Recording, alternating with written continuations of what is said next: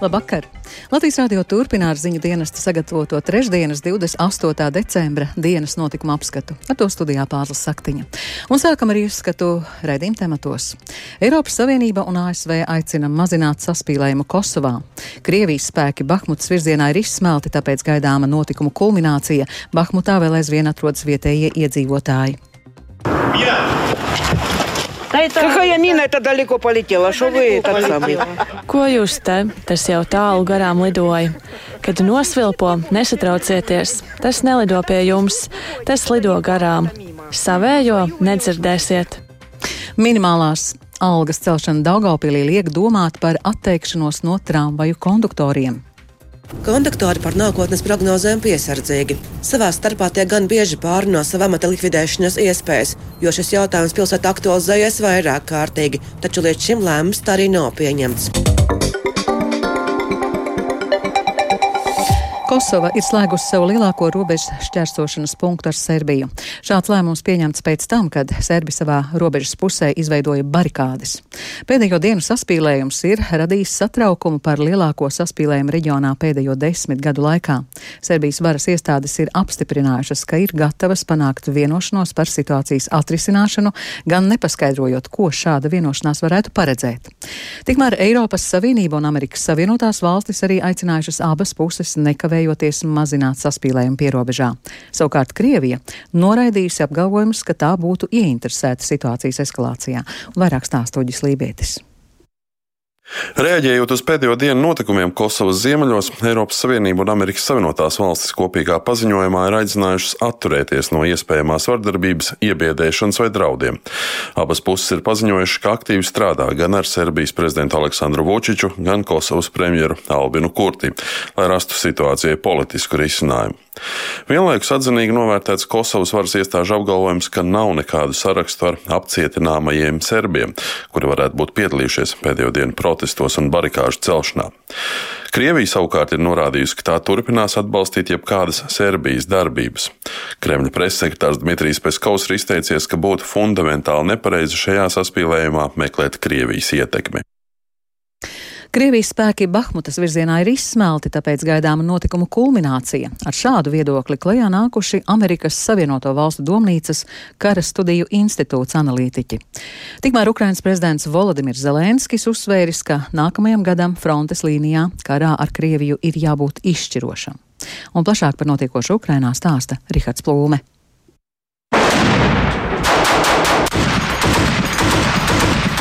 Ukrainas austrumos turpinoties cīņām, Krievijas karaspēks Donetskas apgabalā aizvien īsteno neveiksmīgus mēģinājumus uzbrukt Soledarai un Bahmutai. Ukrainas armija uzbrukumus atvaira. Ticis vairāk kārt norādīts, ka smagākā situācija frontē ir tieši Bahmutas virzienā. Taču analītiķi no ASV domnīcas kara studiju institūts uzskata, ka Krievijas spēki Bahmutas virzienā tagad esot izsmelti. Analītiķi norāda, ka Krievijas armijas virzības tempi Bahmutas rajonā pēdējā laikā ir palēnināti palēninājušies pieaugušā personāla un munīcijas trūkuma dēļ, kas visticamāk neļaus viņiem tuvākajā nākotnē uzturēt lielu uzbrukuma operāciju tempu šajā rajonā. Ukrainas armijas austrumu grupējuma pārstāvis Serhijas Čeravatīs otrdien ziņoja, ka Krievijas spēki Bahmudas apgabalā vairs nedarbojas kā rotu un bataljonu taktiskās grupas, bet izmanto mazākas grupas 10 līdz 15 vīru sastāvā. Bahmutā joprojām palikuši vietējie iedzīvotāji, kas negrasās nekur doties, pārsvarā veci cilvēki. Arī kāda žurnālistu uzrunāta pensionāre. Par skarbo ikdienu gan atgādina intervijas laikā dzirdamie šāvieni. Tas izbiedē žurnālistus, bet pensionāri pat acis nepamirkšķina.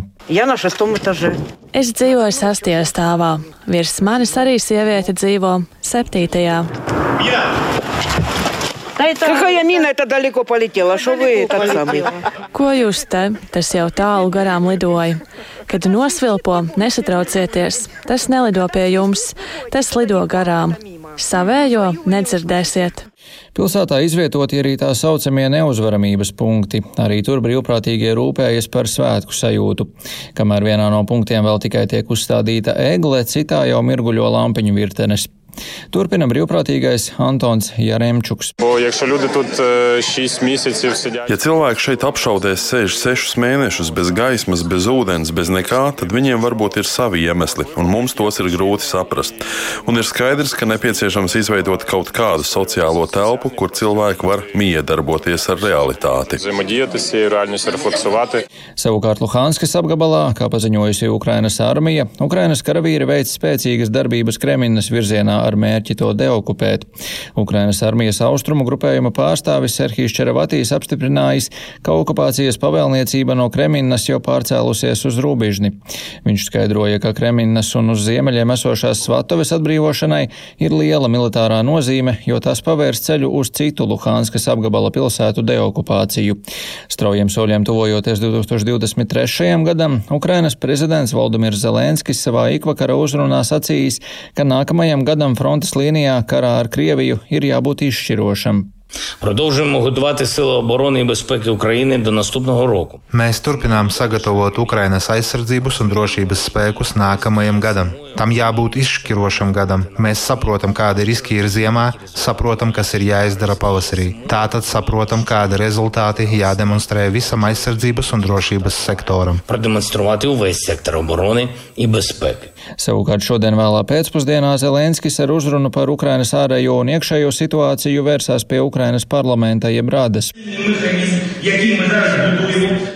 Zelenskis sacīja, ka principi, kas Ukrainai tagad ir jāievēro, ir vienotība, drošība un taisnīgums. Prezidents uzsvēra, ka valsts drošība nav stāvoklis, kuru var sasniegt vienreizēji un uz visiem laikiem. Tas ir smags darbs.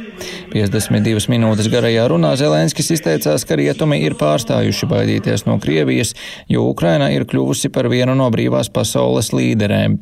Kā viņš norādīja, tieši Ukraina esot palīdzējusi rietumiem no jauna sevi atrast. Rihards Plūme, Latvijas radio. Somijas Inko ostā šodien pietāvojies Somijas nomātais sašķidrinātās dabasgāzes termināļa kuģis. Jau drīzumā sašķidrināto dabasgāzi pārvērtīs gāzveidā un ievadīs Somijas gāzes sadals tīklā. Prioritāte termināļa izmantošanā būs Somijas un Baltijas valstu kompānijām, lai nodrošinātu gāzes importu šajā ziemā. Vairāk stāstuģis Lībētis.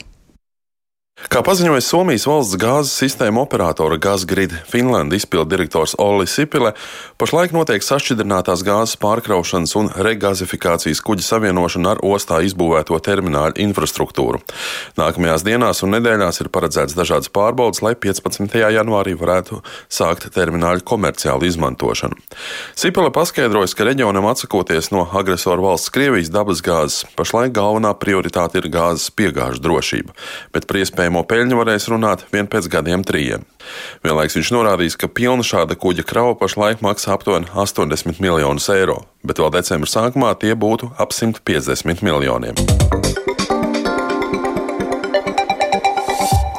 Neatliekamās medicīniskās palīdzības dienas no šodienas pāriet uz darbu ārkārtas situācijas režīmā. Tas saistīts ar gripas, covid-19 un citu augšējo elpceļu saslimšanām, kas pieaug sabiedrībā.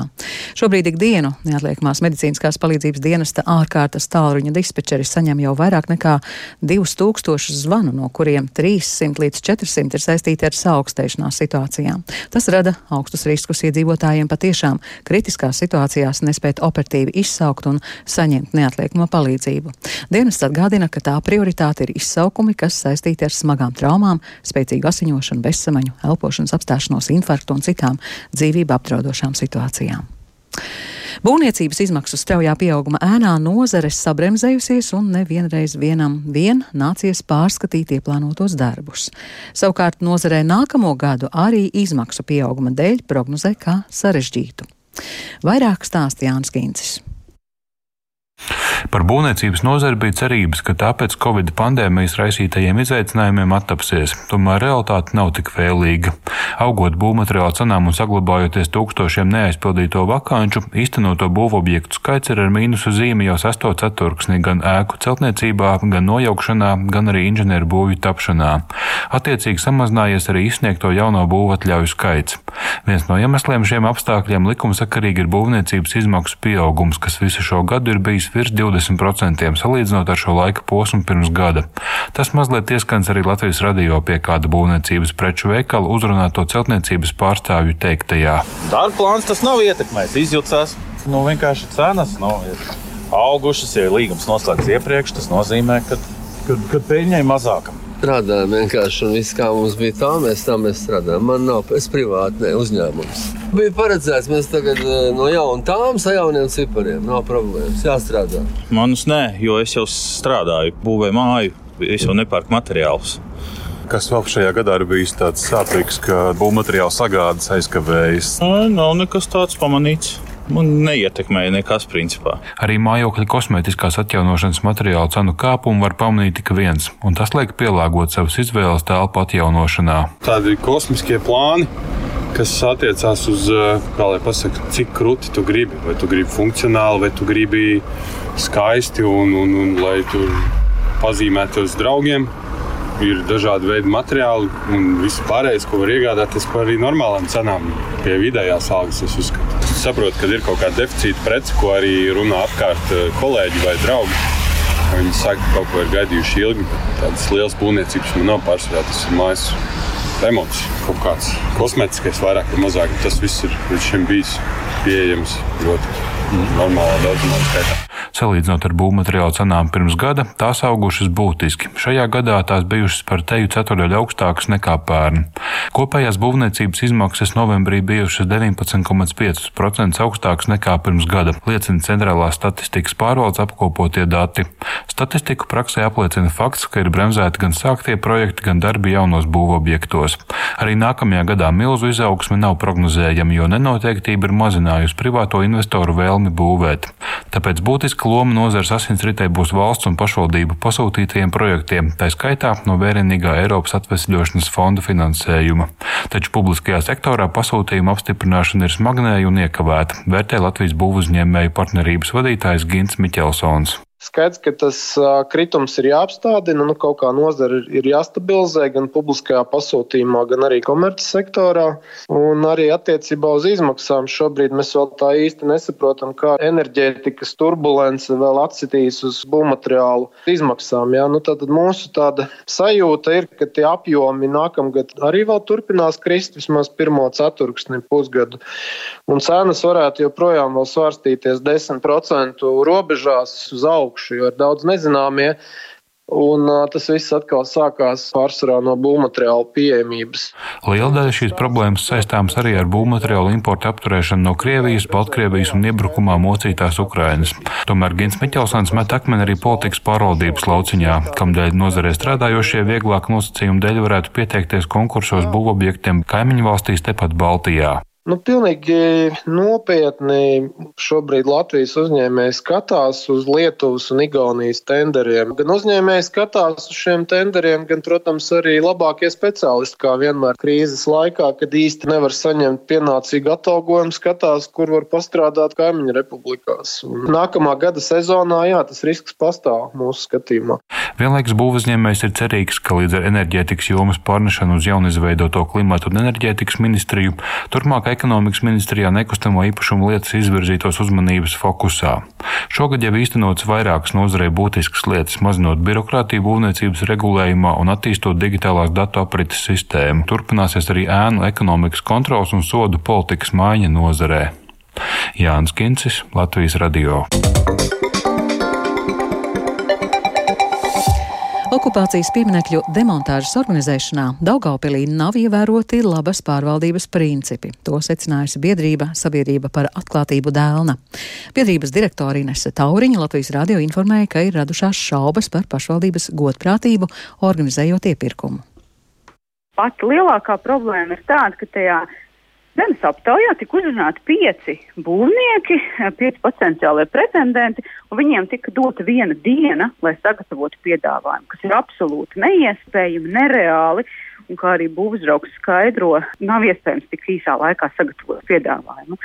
Un domē šo pirmo iepirkumu pārtrauca, par to paziņoja tikai tad, kad pieminekļi jau bija demontēti, divu dienu laikā slēdz līgumu ar tiešām to, kurš tad īstenībā demontēja to pieminekli. Dēlne šobrīd gatavojot vēstuli iepirkumu uzraudzības birojiem un atbildīgajai ministrijai par konstatētajiem secinājumiem, aicinot rīkoties šo iestāžu kompetenci ietvaros. No 1. janvāra minimālā alga Latvijā būs 620 eiro, tagadējo 500 eiro vietā. Līdz ar to Daugaupils satiksme konduktoru algām būs nepieciešams pār pusmiljonu vairāk naudas nekā tagad. Kopumā tie būs pusotrs miljons. Daugaupils doma sākusi domāt par pilsētnieka kartes ieviešanu un pasažieru elektroniskās sistēmas pielāgošanu pilsētas sabiedriskajā transportā. Vai tas draud ar masveida konduktoru atlaišanu? Par to plašāk Silvijas Smagaras ierakstā. Pāri par simts konduktori dodas izbraukumos Dāngāpils satiksmē autobusos un tramvajos, iekasē naudu, izsniedz biļetes. Pasažieru, ko apkalpot, lai arī biļetes cena par braucienu Dāngāpilī šogad no 50 centiem pieaugusi līdz 70, tiem netrūkst. Tagad ļoti daudz. Pirmajā maršrūtā tur ļoti, ļoti daudz cilvēku. Šī gada oktobrī Dāngāpils doma jau lēma gandrīz par 126 tūkstošiem eiro palielināt dotāciju pašvaldības akciju sabiedrībai Dāngāpils satiksme viszemāk atalgoto darbinieku atalgojuma palielināšanai. Taču joprojām alga ir nepietiekama neslēp konduktori. Mums ļoti maz. tagad alga. Es domāju, ka visiem tagad ļoti grūti dzīvot. Ar jauno gadu līdz minimālās algas celšanu algu sadaļa Dāngāpils satiksmē atkal pieaugs. Attiecīgi augsts sloks uz pašvaldības budžetu un būs jādomā, kā rīkoties atzīst Dāngāpils domas priekšsēdētājs Andrēs Augsniņš no Saskaņas partijas. Dāngāpils satiksmē tie minimālās mēneša algas, ir īpaši konduktoriem, pieaugs. Ir jautājums par tādām nu, kādām IT risinājumiem un citiem ieviešamiem pasākumiem, ko mēs īsti varam tad, nu, tos līdzekļus varbūt lielā mērā sakārtot. Šobrīd jau kontraktūra izmaksas gadā sastāv miljonu eiro. Nākošais gads pusotrs miljonus. Protams, tur ir jāskatās, tur ir reāli cilvēki, dzīvi cilvēki. Protams, mums jāskatās, kuri ies uz kontrolieriem, kuriem piedāvāsim citas pārkvalifikācijas formas. Konduktori par nākotnes prognozēm piesardzīgi. Savā starpā tie gan bieži pārunā savu amata likvidēšanas iespējas, jo šis jautājums pilsētā aktualizējies vairāk kārtīgi, taču līdz šim lēmums tā arī nav pieņemts. Gaidīsim, jādomā, kā, kā, kā, kā būs. Veids, kā aizvietot konduktorus, ir ieviest sabiedriskajā transportā elektroniskās uzskaitas sistēmu. Tagad, piemēram, lielveikalos jau ir pašapkalpošanas kases. Un ir saprotams, ka nu, kustoties kopā ar progresu, mēs obligāti pazaudēsim kādas specialitātes cilvēku. Darbs šajā virzienā pilsētā jau sācies, stāsta satiksmes nozares kurators un Dāngāpos domas priekšredētāja pirmais vietnieks Aleksis Vasiljevs no Latvijas Krievas Savienības. Vismaz izskatījām pretendentu piedāvājumus. Domājām arī par to, cik būs nepieciešams naudiņu uz to ieguldīt. Taču līdzekļi arī šim pasākumam prāvi, un tas liek nopietni izvērtēt svaru kausus, saka Aleksis Vasiljevs. Mums nepieciešams paredzēt, lai mēs neizterētu pilsētas iedzīvotāju naudu nemērķtiecīgi. Piemēram, tikai vienreizēji kārtas nu, sagatavošana maksās apmēram 150 tūkstošus bet vēl nepieciešams sagatavot programmas, ierīces, kas varētu nolasīt šīs kartes, un tā tālāk, un tā joprojām. Jebkurā gadījumā, kā uzsver Aleksis Vasiljevs, process nebūs ātrs, un diezin vai Dāngāpulī līdz ar konduktoru aizvietošanu tiks ieviests jaunajā gadā. Nākamajā gadā, 23. viņi vēl strādās, tāpēc ka pat kad mēs ieviesim jauno sistēmu, tad, kas kontrolēs pasažieru plūsmu. Būs nepieciešams nu, vismaz mēnesis vai divi mēneši, lai cilvēki viņiem būs iespēja izmantot arī uh, konduktora pakalpojumus. Daļa konduktori, kas zaudēs darbu Dāngāpulī, jau ir pensijas vecumā. Tātad nepaliks bez vienīgā iztikas avota, norāda pašvaldībām.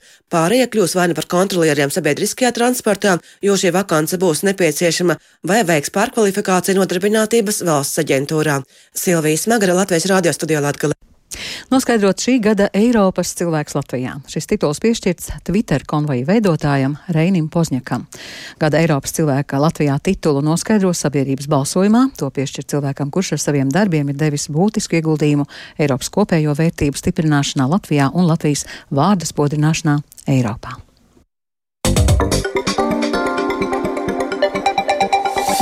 Ugunsdzēsības un glābšanas dienestā jau saņemti vairāki izsaukumi, kuros ugunsgrēka iemesls ir bijis bez uzraudzības atstātas sveces, bet iepriekšējā gada svētkos tie bija pat 37 gadījumi, kuros cieta arī seši cilvēki. Dienestā uzskata, ka tieši starp Ziemassvētkiem un Jauno gadu cilvēki mazāk uzmanību pievērš ugunsdrošībai. Un plašāk vidzemes korespondents Gunts Matisons ierakstā.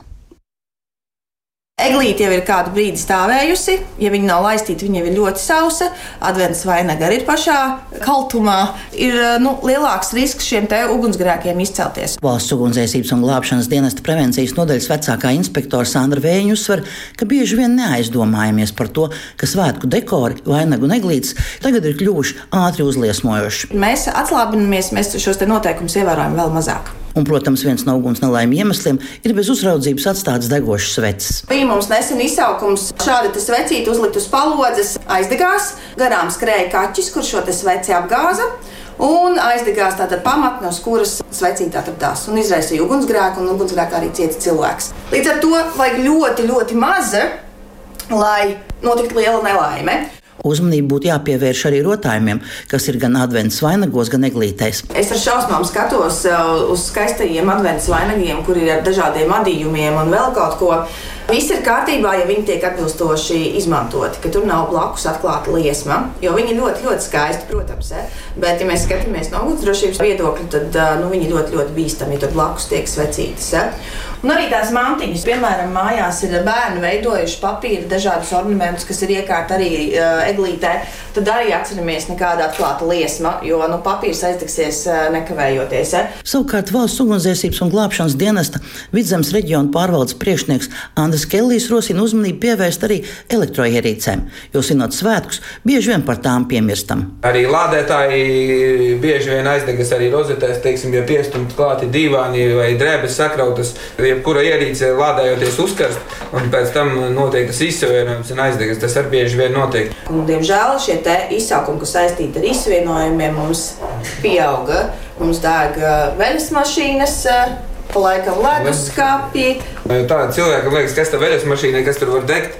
Bet eh, veļas mašīnas deg diezgan bieži, jo cilvēki arī viņas atstāja. Jo viņas ilgi notiek, vienkārši ejam, jābrauc kaut kur prom, ieslēdz un aiziet. Bet, eh, ja tajā ja tā brīdī viņai kaut kas ir notiek, eh, tad pēc tam atbrauc un nav vairs kur atbraukt. Jo es pats kā es domāju, ka kas tur ko degt veļas mašīnai, bet veļas mašīnas deg regulāri. Ugunsdzēsības un glābšanas dienestā arī vērtē, ka laikā starp Ziemassvētkiem un Jauno gadu uguns nelaimes izceļas dažādās viesmājās vai pirtīs, kuras kopīgai svētku svinēšanai izīrēja jauniešu kompānijas. Ja, piemēram, Ziemassvētkos mēs bērniem un ģimenes svin kopā, tad uh, vecāki varbūt kā, kā vista savu cēlēnu sargā un neļa, neļauj kaut kādas lietas darīt, bet kad tas cēlēns iz, iziet ārā no mājas, tad viņš dara to, ko ienāk viņam, kā saka, prātā.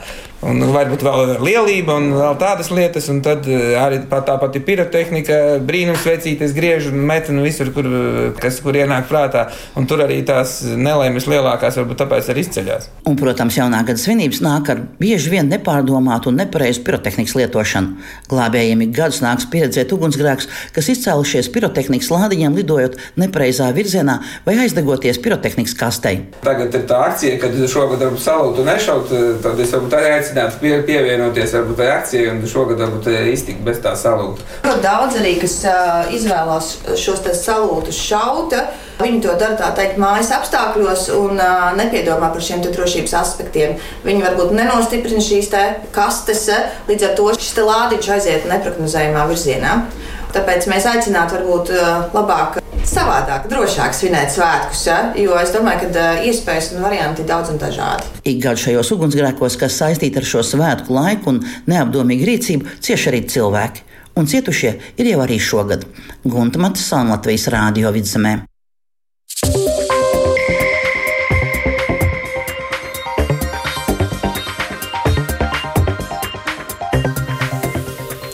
Un ar to izskan dienas notikuma apskats. Producents Viktors Pupiks, ierakstus montēja Ūdens Grīnbergs, par labskaņu rūpējās Rīta Karneča, ar jums runāja Pārslas Saktiņa. Vēlīs par svarīgāko Eiropas Savienība un Amerikas Savienotās valstis aicina mazināt saspīlējumu Kosovā. Krievijas spēki Bahmutas virzienā ir izsmelti, tāpēc gaidāma notikumu kulminācija. Neatliekamās medicīniskās palīdzības dienests pāriet uz darbu ārkārtas situācijas režīmā, un būvniecības izmaksas augušas par piekdaļu grūtības nozarē prognozē arī nākamgad. Šī raidījuma atkārtojumu meklējiet raidierakstu platformās kā dienas ziņas un Latvijas radio mobilajā lietotnē. Latvijas radio ziņām sekojiet līdzi arī Latvijas radio viens Facebook lapā un LSMLV. Yeah.